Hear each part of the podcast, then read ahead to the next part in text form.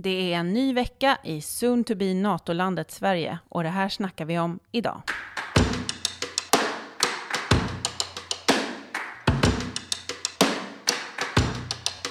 Historiska beslut har fattats i helgen som gick. Finland är nu redo att skicka in en NATO-ansökan och den inte så väl bevarade hemligheten om att Socialdemokraternas partiledning vill gå med i NATO kom under söndagskvällen alla till del. I slutet av förra veckan delades den säkerhetsanalys som utgjorde grunden för det socialdemokratiska beslutet med allmänheten och det var tydligt vad den ville förmedla. Sverige ska med i NATO. Om en späckad NATO-helg, den obefintliga debatten och vad som händer nu. Det snackar vi om idag. I studion finns jag, Anna Herdy och Vänsterpartiets partiledare och NATO-motståndaren Nooshi Dadgostar. Välkommen Nooshi! Tack Kul så att ha med dig i podden. Kul att vara här. Efter en mycket händelserik helg så ser det ju nu ut som, och vi spelar in idag tisdagen den 17 maj, och det ser ut som att Sverige är på väg att skicka in sin medlemsansökan i NATO. Och vad tror du att det innebär för Sverige? Det beror på, tror jag. Vi ska ju fortsätta arbeta för att det inte ska bli så mycket sämre än vad det är. Men de farhågor som vi har lyft upp, det är ju att vi inte kan ha en självständig utrikes och säkerhetspolitik. Att vi får en eskalering av konfliktnivån i vårt närområde och kring eh, Östersjöområdet. Att vi eh, får eh, hantera och planera för kärnvapenanvändning på ett sätt som gör att vi också har svårt att liksom fortsätta jobba för nedrustning av kärnvapen. Ehm, och det, det finns säkert flera saker. Det här går ju att likna vid ett EU-inträde egentligen. Det, det kan säkert växa och det kan minska utifrån hur den här föreningen utvecklas.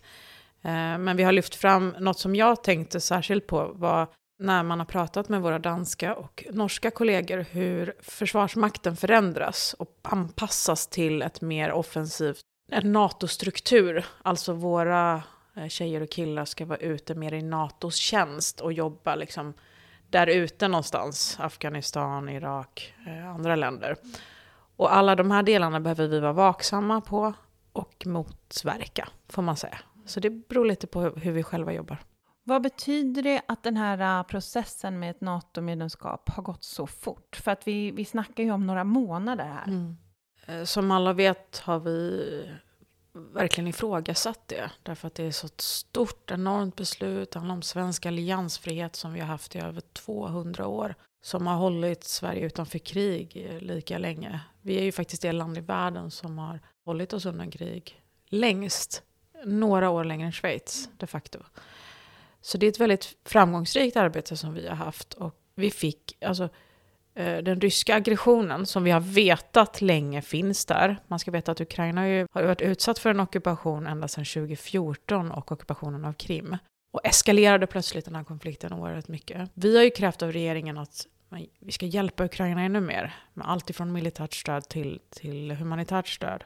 Eh, men också strypa inkomsterna för Putin genom att strypa rysk gas och olja. Det har regeringen inte eh, gått fram med och gjort någonting av. Utan man har börjat plötsligt inleda en NATO-debatt. Eh, Eller egentligen inte en debatt, utan eh, förändra sin egen position i, i NATO-frågan och gå in där. Vilket vi tycker på ett sätt, det var, inte, det var inte relaterat till frågan om, det hjälpte inte ukrainarna att vi gick in skickade in en medlemsansökan i NATO. Så vi är djupt besvikna och bekymrade över att det inte finns en mer folklig förankring i detta. Det här är ju en del av svensk identitet, får man ju säga. Ja, men och jag tänkte lite på det här med förankringen, för att nu hänvisar eh, diverse debattörer och, och ledarskribenter och så att det finns en folklig förankring för att man kan se det på opinionsundersökningar eller tycka att interna partiprocesser har varit liksom en del av den folkliga förankringen. Är, är det verkligen så? Ja, man hade ju önskat att alla medborgare var med i ett parti. Typ alla var med i SAP. Men det är tyvärr inte så. Och eh, eh, några opinionsmätningar, det är inte val. För då hade vi inte behövt ha val, tror jag, i en demokrati. Utan vi kunde bara mäta. Utan ett val handlar ju om att, och det hör jag väldigt många säga till mig, jag hänger inte med, men jag hade säkert kunnat sätta in mig om det var en valrörelse. Där vi kunde debattera med varandra och titta på, för det finns ju olika sätt att se på hur Sverige tryggar sig själva och sina medborgare. Det här handlar inte om att så här, några vill ha mycket trygghet och några vill ha lite. Den säkerhetspolitik vi har haft i Sverige har ju just minskat hotbilden mot oss, har ju just hållit oss ifrån krig, har ju skyddat oss bättre än många andra länder som just är i NATO. Och risken är, det här är ju ett sånt här beslut som går att liknas vid EMU, EU, det har ju också många utredningar sagt, därför att vi ger ifrån oss makt över oss själva och våra beslut. Så det här är en typisk folkomröstningsfråga. Det finns massa länder som har haft folkomröstningar om detta. Eh, och vi hade ju önskat att vi kunde ha en folkbildnings och valrörelsekampanj. För att det, det, är väl det som många upplever nu. Jag hörde i eh, Studio 1 så hade de, intervjuade de någon mamma som satt och lekte med sitt barn i Karlskrona liksom och bara, jag hade röstat nej, sa hon. Men jag hade velat rösta om det, för jag hade velat säga min åsikt. Och det tror jag är många som kan känna igen sig i den. Jag känner också om det är något land i världen som skulle ha en folkomröstning om det här, så är det Sverige. Det här är ju en grundbult i hela vårt sätt att leva på. Och därför blir det för mig förhastat och forcerat att göra det på det här sättet. Särskilt eftersom vi, och där har ju Försvarsmakten uttalat sig och många andra experter har uttalat sig. Är det, finns det säkerhetspolitiska motiv för att forcera fram det här? Då har ju de väldigt tydligt sagt att vi hade också kunnat fatta det här beslutet i höst, till exempel. I, I, oktober skulle vi kunna ha en folkomröstning. Redan det är ju, skulle jag säga, en väldigt snabb tidsplan. Men det hade skapat en större legitimitet, en styrka, även om det blev ett ja. Alltså inte att vi är splittrade som, det här ska ju vara så här nationens försvar. Eh, att vi inte är splittrade i förhållande till detta. Och att det är en sån, en sånt där beslut som håller i sig. Det är inte en tillfällighet att opinionen ser ut så här just nu. Utan vi måste ju veta att det här kommer hålla i sig, för det här är ett beslut som kommer finnas kvar i ja, generationer framöver.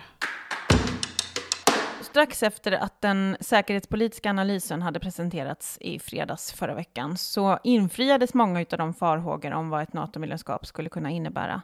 Flera medier rapporterade då om att Turkiets statschef Erdogan sagt att citat, skandinaviska länder är som ett pensionat för terroristorganisationer, slutcitat. Och uttalandena tolkades som att Turkiet kan tänkas att lägga in ett veto mot, mot att Sverige och Finland går med i NATO och om de, eh, om de båda länderna inte går med på Turkiets krav.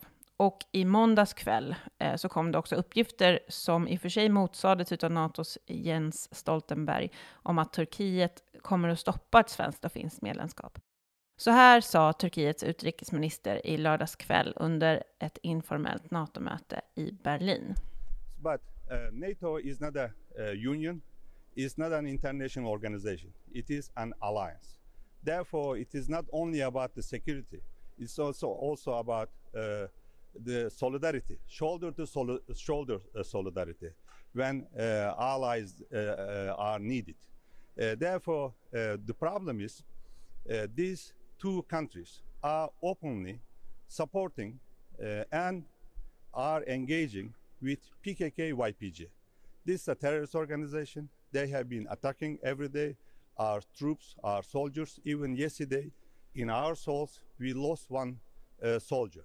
Therefore, uh, it is unacceptable and outrageous that our friends and allies are supporting this terrorist organization.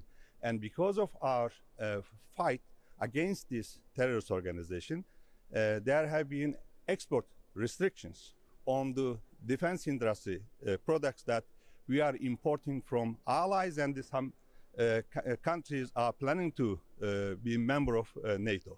And that's why Turkish people, predominantly, a big majority of the Turkish people, are against the membership of those countries who are supporting PKK, YPG terrorist organization, and they are asking us to block this membership. Vad säger det här om NATO? Men en av anledningarna till att eh, det är väldigt tråkigt att vi inte hade en längre debatt om hela den här frågan var ju att vi har till exempel lyft den här typen av frågor. Att nu ingår ju vi i ett samarbete, ett väldigt organiserat samarbete militärt med ett land som själv eh, håller på och, och flygbombar andra länder och egentligen går in i andra länder och krigar. Och det har viftats bort väldigt snabbt och kraftfullt av många. Och den här rapporten som riksdagen rapporterar, eller la fram då den tillsammans. Säkerhetspolitiska analysen. Den, ja men precis, den säkerhetspolitiska analysen som lades fram tillsammans som egentligen beslutsunderlaget för att gå med i NATO. Där beskrev man ju att svensk utrikespolitik skulle vara intakt, vi skulle driva våra kärnvärden och, och vi, det, allt skulle vara precis som vanligt. Vilket naturligtvis stod emot utredningar som tidigare har gjorts om vad det betyder att gå med i NATO. Eh, det var så lustigt då att bara fem timmar efter detta, när alla har sagt att det vi har sagt är fel, det stämmer inte, ni, ingenting med Turkiet behöver vi ha att göra med, då kommer det här utspelet, ett väldigt aggressivt utspel mot Sverige, som i grund och botten handlar om de kurdiska minoriteterna som eh, Erdogan förföljer och som flyr ifrån eh, Turkiet, söker asyl i Sverige och, och då får det till exempel. Det vill inte han, det ska han hindra och det ska vi anpassa oss till. Och han tar också upp i det här klippet YPG eh, och det är den här organisationen som har bekämpat IS eh, och fått stopp på den här terrorsekten som hela världen lever i någon slags tacksamhetsskuld till. Det anser ju Turkiet är en terroristorganisation, det har ju regeringen varit tydliga med. Och det skrev de ju på i november. Alla stater som stämplar YPG som terrorister är oacceptabla. Så det är därför jag har lyft också det gentemot regeringen. Det här måste ni markera. Och regeringen har ju också krävt HDPs, alltså Vänsterpartiet i Turkiet. Han partiledaren sitter alltså i fängelse. En, en sån stat är det. Och där har ju regeringen krävt att han friges och att det ska komma fram. Eh, så att här är det ju väldigt viktigt att vi ser till att vi inte får en anpassning och att han inte... Jag tror att han ändå kommer rösta för, så att säga, men han vill ju ha någonting. Och eventuellt kommer han få någonting. Och det tycker jag är obehagligt, att vi ska gå den här typen av krafter till mötes. Och att han då ska få mer vapen. För vad innebär det i slutändan? Han kommer att ge sig på den kurdiska minoriteten. För det handlar också på något sätt om vapenexporten här. Precis, där har ju eh, Sverige stått upp för ett vapenembargo sedan 2019. Därför att han är ute och krigar. Han, har, han vill ha mer vapen av NATO-länder. Och så, och så ska han nu få det. Genom den här utpressningen och den här beroendeställningen som vi har försatt oss i. Det är det som blir det stora problemet med NATO. Att vi går ihop med de där krafterna som vi eh, egentligen vill bekämpa på många sätt. Man kan tänka sig att debatten nu eh, om NATO snarare kommer handla om vad Sveriges NATO-medlemskap ska innehålla. Vad tycker du eh, är viktigt att vänstern fortsätter slå vakt om? Det är samma delar som vi pratat om fram till NATO-medlemskapet skulle jag säga. Att införa till exempel en lagstiftning i Sverige mot kärnvapen både i fredstid och i krigstid. Det är ju inte lika starka uttalanden som Norge och Danmark har. Det är också därför de nu har en diskussion i sitt land om att förändra de här delarna. Eh, permanenta militära utländska baser vill vi ju inte ha eh, i Sverige, utan det är viktigt för oss att vi har eh, liksom, kontroll över våra egna territorium. Och de här delarna kring Försvarsmakten, att vi behåller eh, vår makt över vårt eget försvar och fokuserar på det som är bäst för Sverige. Därför att det finns en så stor risk att man sugs in i en, eh, en NATO ett mer NATO-baserat försvar som har offensiva operationer där ute för att, som det heter, säkerställa alliansens säkerhet. Eh, men de operationerna är ofta eh, rätt dåliga. Idag har vi snackat om NATO och debatten om NATO och vad som händer nu. Har du något annat tips på vad vi borde prata om i kommande avsnitt? Skicka gärna in ett mejl till podd och då ska det vara podd med två D med dina förslag. Tack för att ni har lyssnat och ha en god vecka så snackar vi snart igen i en poddspelare nära dig.